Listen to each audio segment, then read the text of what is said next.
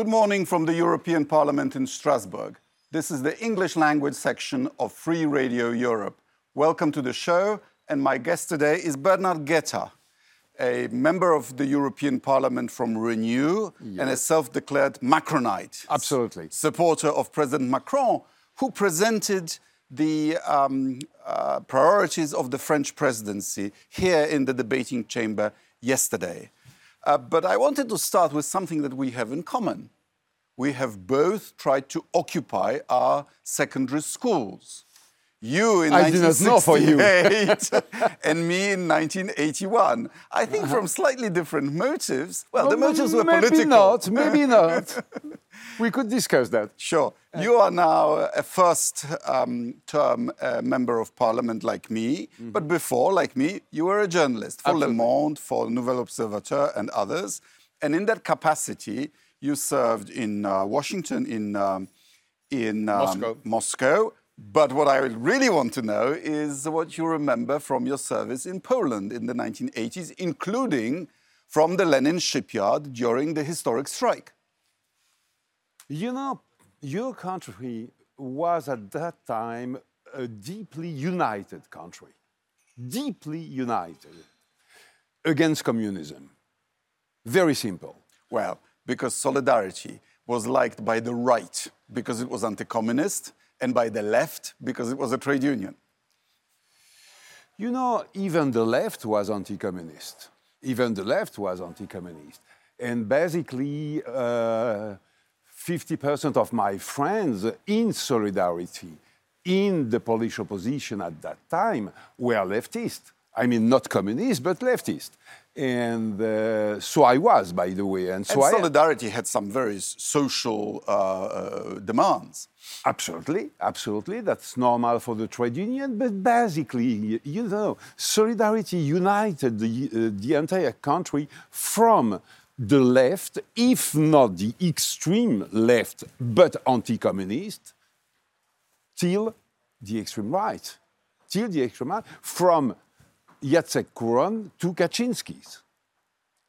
And so it was a very moving situation for me, and specifically during the strike at the shipyard, because uh, there was such, uh, uh, such hopes uh, in, in the faces, you know, in the discussions, in the speeches. There was fear too.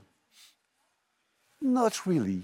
You know, not really. I don't remember that.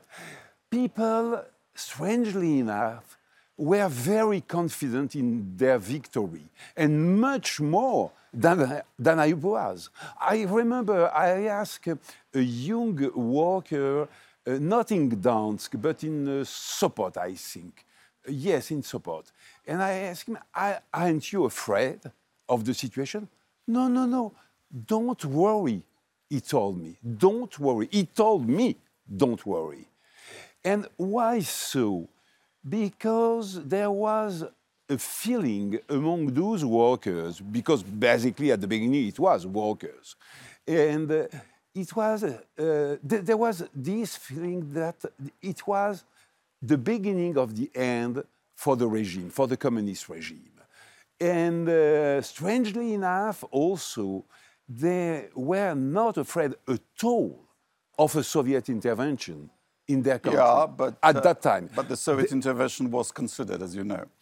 Of course, but they were not afraid of that.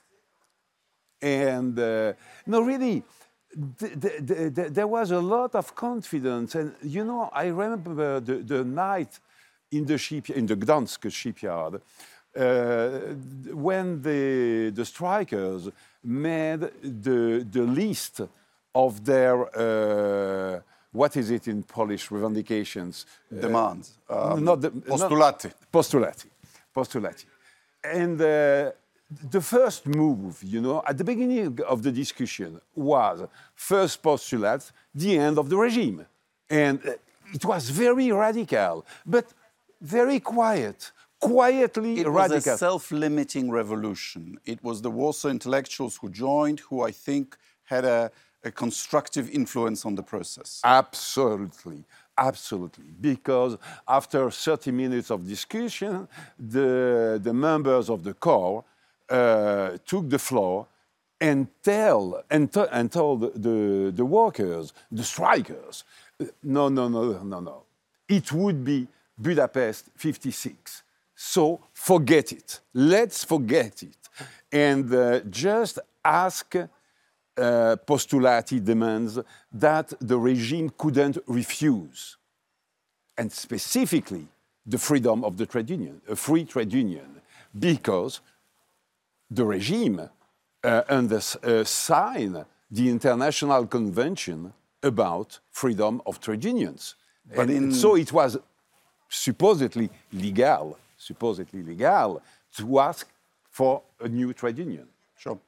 Um, you then attended the first Congress of the Solidarity. Absolutely, I was there. Yes. So you were there and, during, and during, the during declaration the... of the solidarity with workers of Central Europe. Absolutely, absolutely. You know, during the Congress, it was already the beginning of the real fight between the power and uh, solidarity.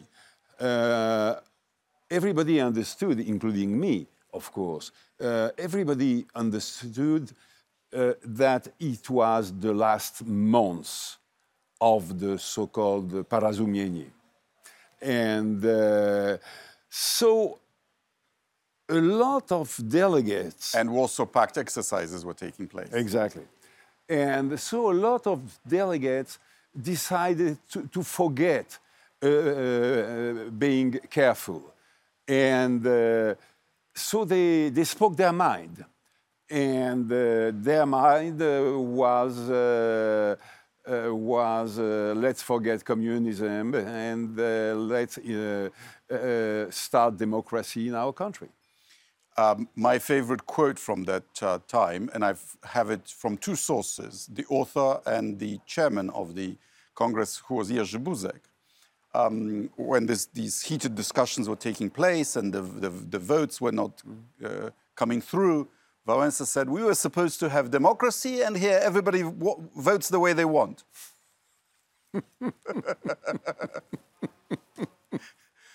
but in those days, as a Frenchman, could you have imagined that one day Britain will not be in the European Union and Poland will be? Let me think. Let me think. Because I couldn't. Let me think. No, England um, certainly not. But Poland, I was absolutely confident that it was the beginning of communism in Europe. Solidarity delegitimized communism as an ideology. Every regime has some kind of ideological claim. Mm-hmm. And the claim of communism is, was we represent the working class. Exactly. And solidarity showed persuasively for all to see no, you don't. But it was not only that point, that point is absolutely essential but uh, some other thing. In uh, the Western countries, at that time, communism was already completely delegitimized. You say delegitimized? Discredited. Discredited, exactly. Discredited. Because of what? Because of Budapest 56, because of Warsaw 56, because of Poland uh, 72 or 71 on the Baltic uh, coast. 70.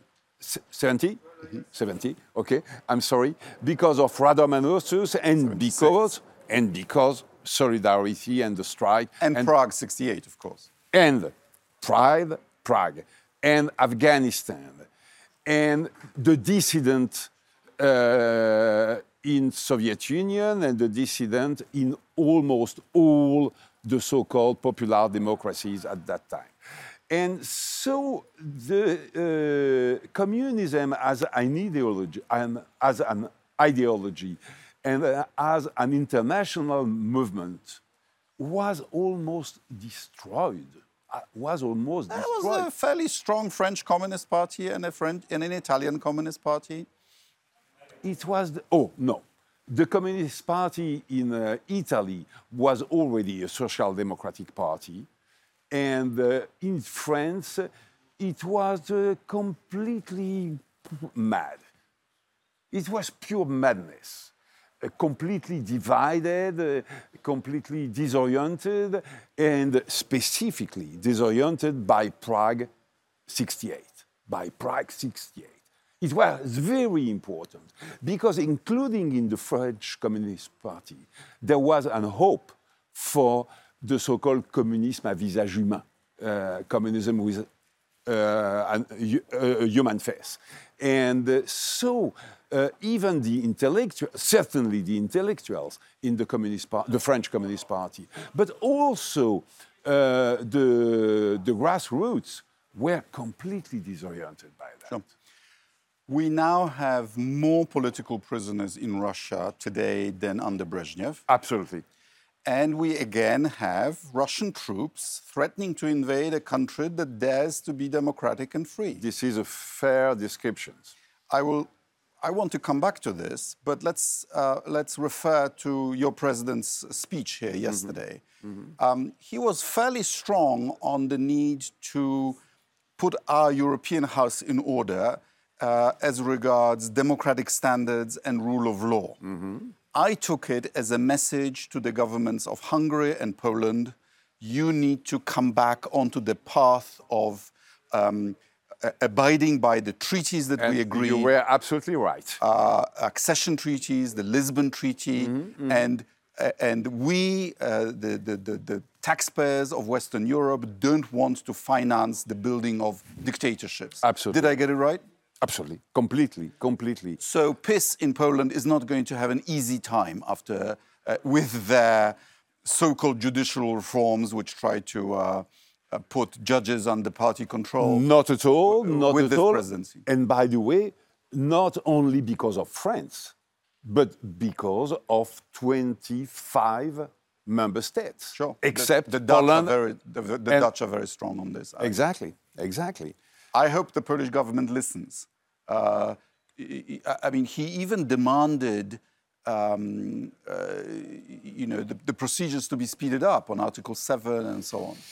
You know, I hope also that uh, your government, Mr. Kaczynski, were listening. But, but, but, um, will they listen? Will they hear? I'm not sure. I'm not sure. And uh, they are in a deadlock now, in a political deadlock. And they don't want to understand the situation, and they don't want, I'm afraid so, to understand even the balance of power inside the European Union and inside Europe. Because Mr.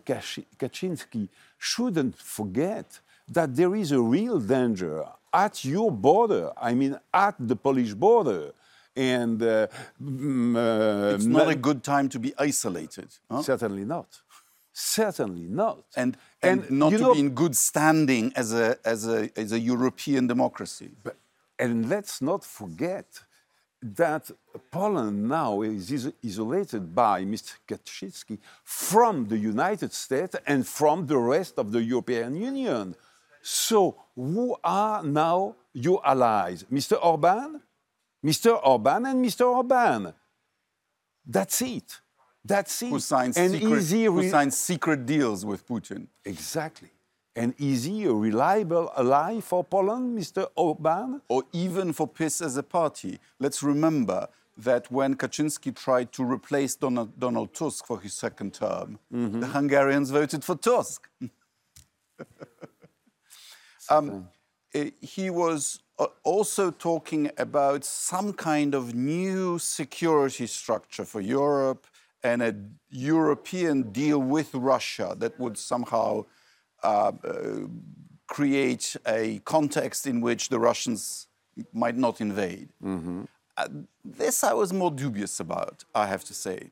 Because, first of all, the reason the European Union is not at the table uh, with the United States and Russia as regards Ukraine is a result of mistakes made by Germany and France. Which it was, mistake? It was Germany and France that created first the Normandy process, which is to say, member states negotiating with Russia and mm-hmm, Ukraine mm-hmm. over, uh, and then the Minsk process, the same thing, thereby excluding the High Representative mm-hmm. and not including the only country in Europe, Poland, which is a neighbor of both Russia and Ukraine. So we now have this, we, we, we, we have put ourselves in a situation where a European issue is discussed by the Americans and the Russians. That's number one. And number two, uh, as you know, because you lived it, we already have a, uh, an architecture, uh, security archi- architecture of Europe that includes Russia. It's called OSCE. And OSCE was a deal between the East and the West that there would be some protection for, for dissidents. In, recogni- in return, the West will recognize existing borders in Europe, Yes. however they were arrived at historically, right? So how can we create a new order uh, with Russia when she is not respecting the existing uh, order which she guaranteed, both in, as a member of the OSCE and as a signatory of the uh, Budapest Memorandum of, of 94, in which Ukraine gave up its nuclear weapons in return for guarantees of independence and, uh, and borders. You are President Macron now. Answer for him. Okay, okay.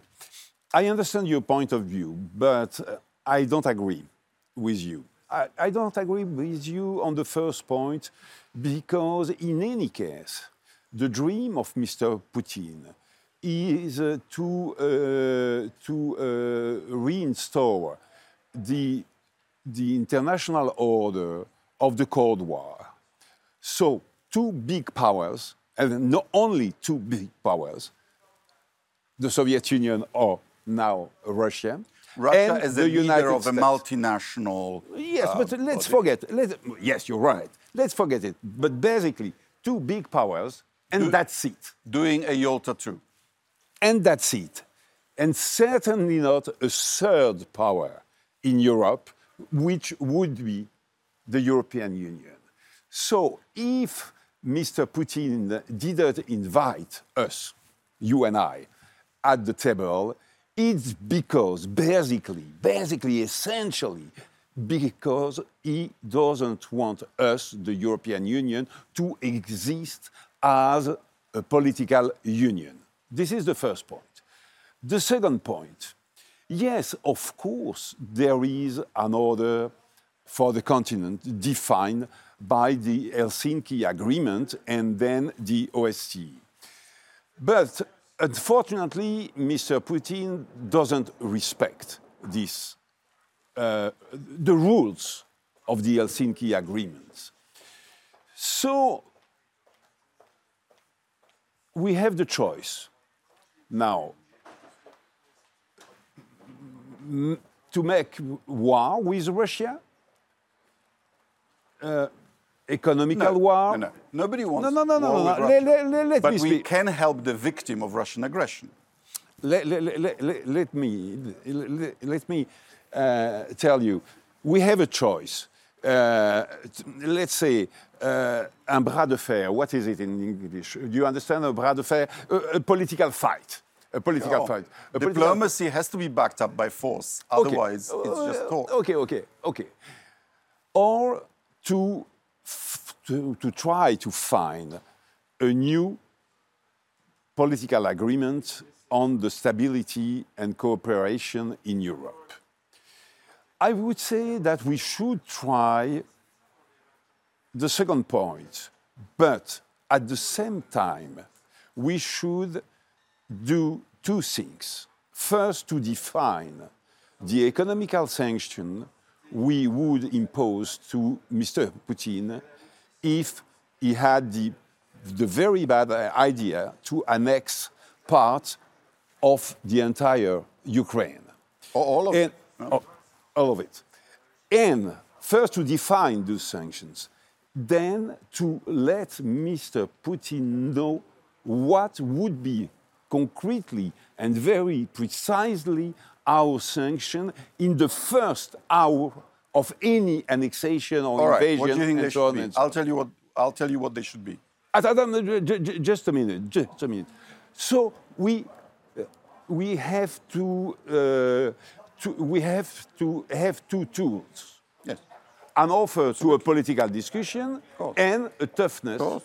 Of course. You agree with me? Absolutely. Okay, so You So have- we agree. You need to have deterrence and diplomacy at the same time. Let's, let's remember how the Cold War was won by the Ostpolitik of talking to communist regimes and by the toughness of Ronald Reagan in standing up to them. And the two I would agree were- with you. Yes. Good. So now we need to define uh, the consequences, but give Mr. Mr. Putin what the Americans called an off ramp, which is an opportunity to, uh, to, to not invade. So there is no disagreement between Okay. us. But let's think about what would deter President Putin. I, I say Ah, okay. Ukraine needs anti ship, anti aircraft, and anti tank weapons. We need to go uh, and announce it in advance that we would really go after the money of President Putin himself and his uh, oligarchs. And that would mean targeting the um, tax havens, the, uh, the money, money laundering in our own banking system. Uh, we need to cut off Russia from the SWIFT uh, system. And I think the most, one of the most effective ways um, to get better terms of trade with Russia would be to create a gas union. Or the Commission buying gas on behalf of all the member states and negotiating with Russia the price. But There is a precedent. There is a precedent. That's the way we buy uranium Mm-hmm, for your French uh, nuclear power plants. But Radek, why, why do you think that Mr. Macron would disagree with I'm, that? I'm not. I'm not No. thinking. No. No, no, no, no. But I don't think he would. I don't think he would. I don't think he would. In any case, I wouldn't. In any case, I wouldn't. I agree with you on that. But, uh, but I do think also that we have to make an offer to the Russian people and that we should, as the European Union, maybe the Council, maybe the Parliament, maybe the Commission, I don't know, and I don't care, we should address directly the, the Russian people, not Mr. Putin, the Russian people, to tell them that we want cooperation with Russia, that we would like, that we would want. Cooperation with Russia and stability on the continent and respect of borders and so on and so on. And that our best hope is this kind of agreement with Russia. We should Be- try, but let's not get our hopes too high. I saw a Levada Center poll uh, about the prospect of war in Ukraine. The majority of Russian people have been so brainwashed that they think the war would be the fault of the United States. 40%, I think. Really? Yes. Sh- Oh. A shockingly high number. No, I would say only 40%. Only 40%. I can't remember the figure, but And uh, because in such a country, uh, with such a propaganda apparatus and so on and so on, 30%, it's not that high. Just the opposite. Actually, just the opposite. And uh, I'm confident that the Russian people now is more and more, I'm sorry, fed up with Mr. Putin. And uh, uh, I think that politically speaking and economically speaking also, uh, Mr. Putin is not uh, stronger and stronger, but weaker and weaker. And precisely because. What does weaker mean? Let, let He me has finish. total power Let in me finish.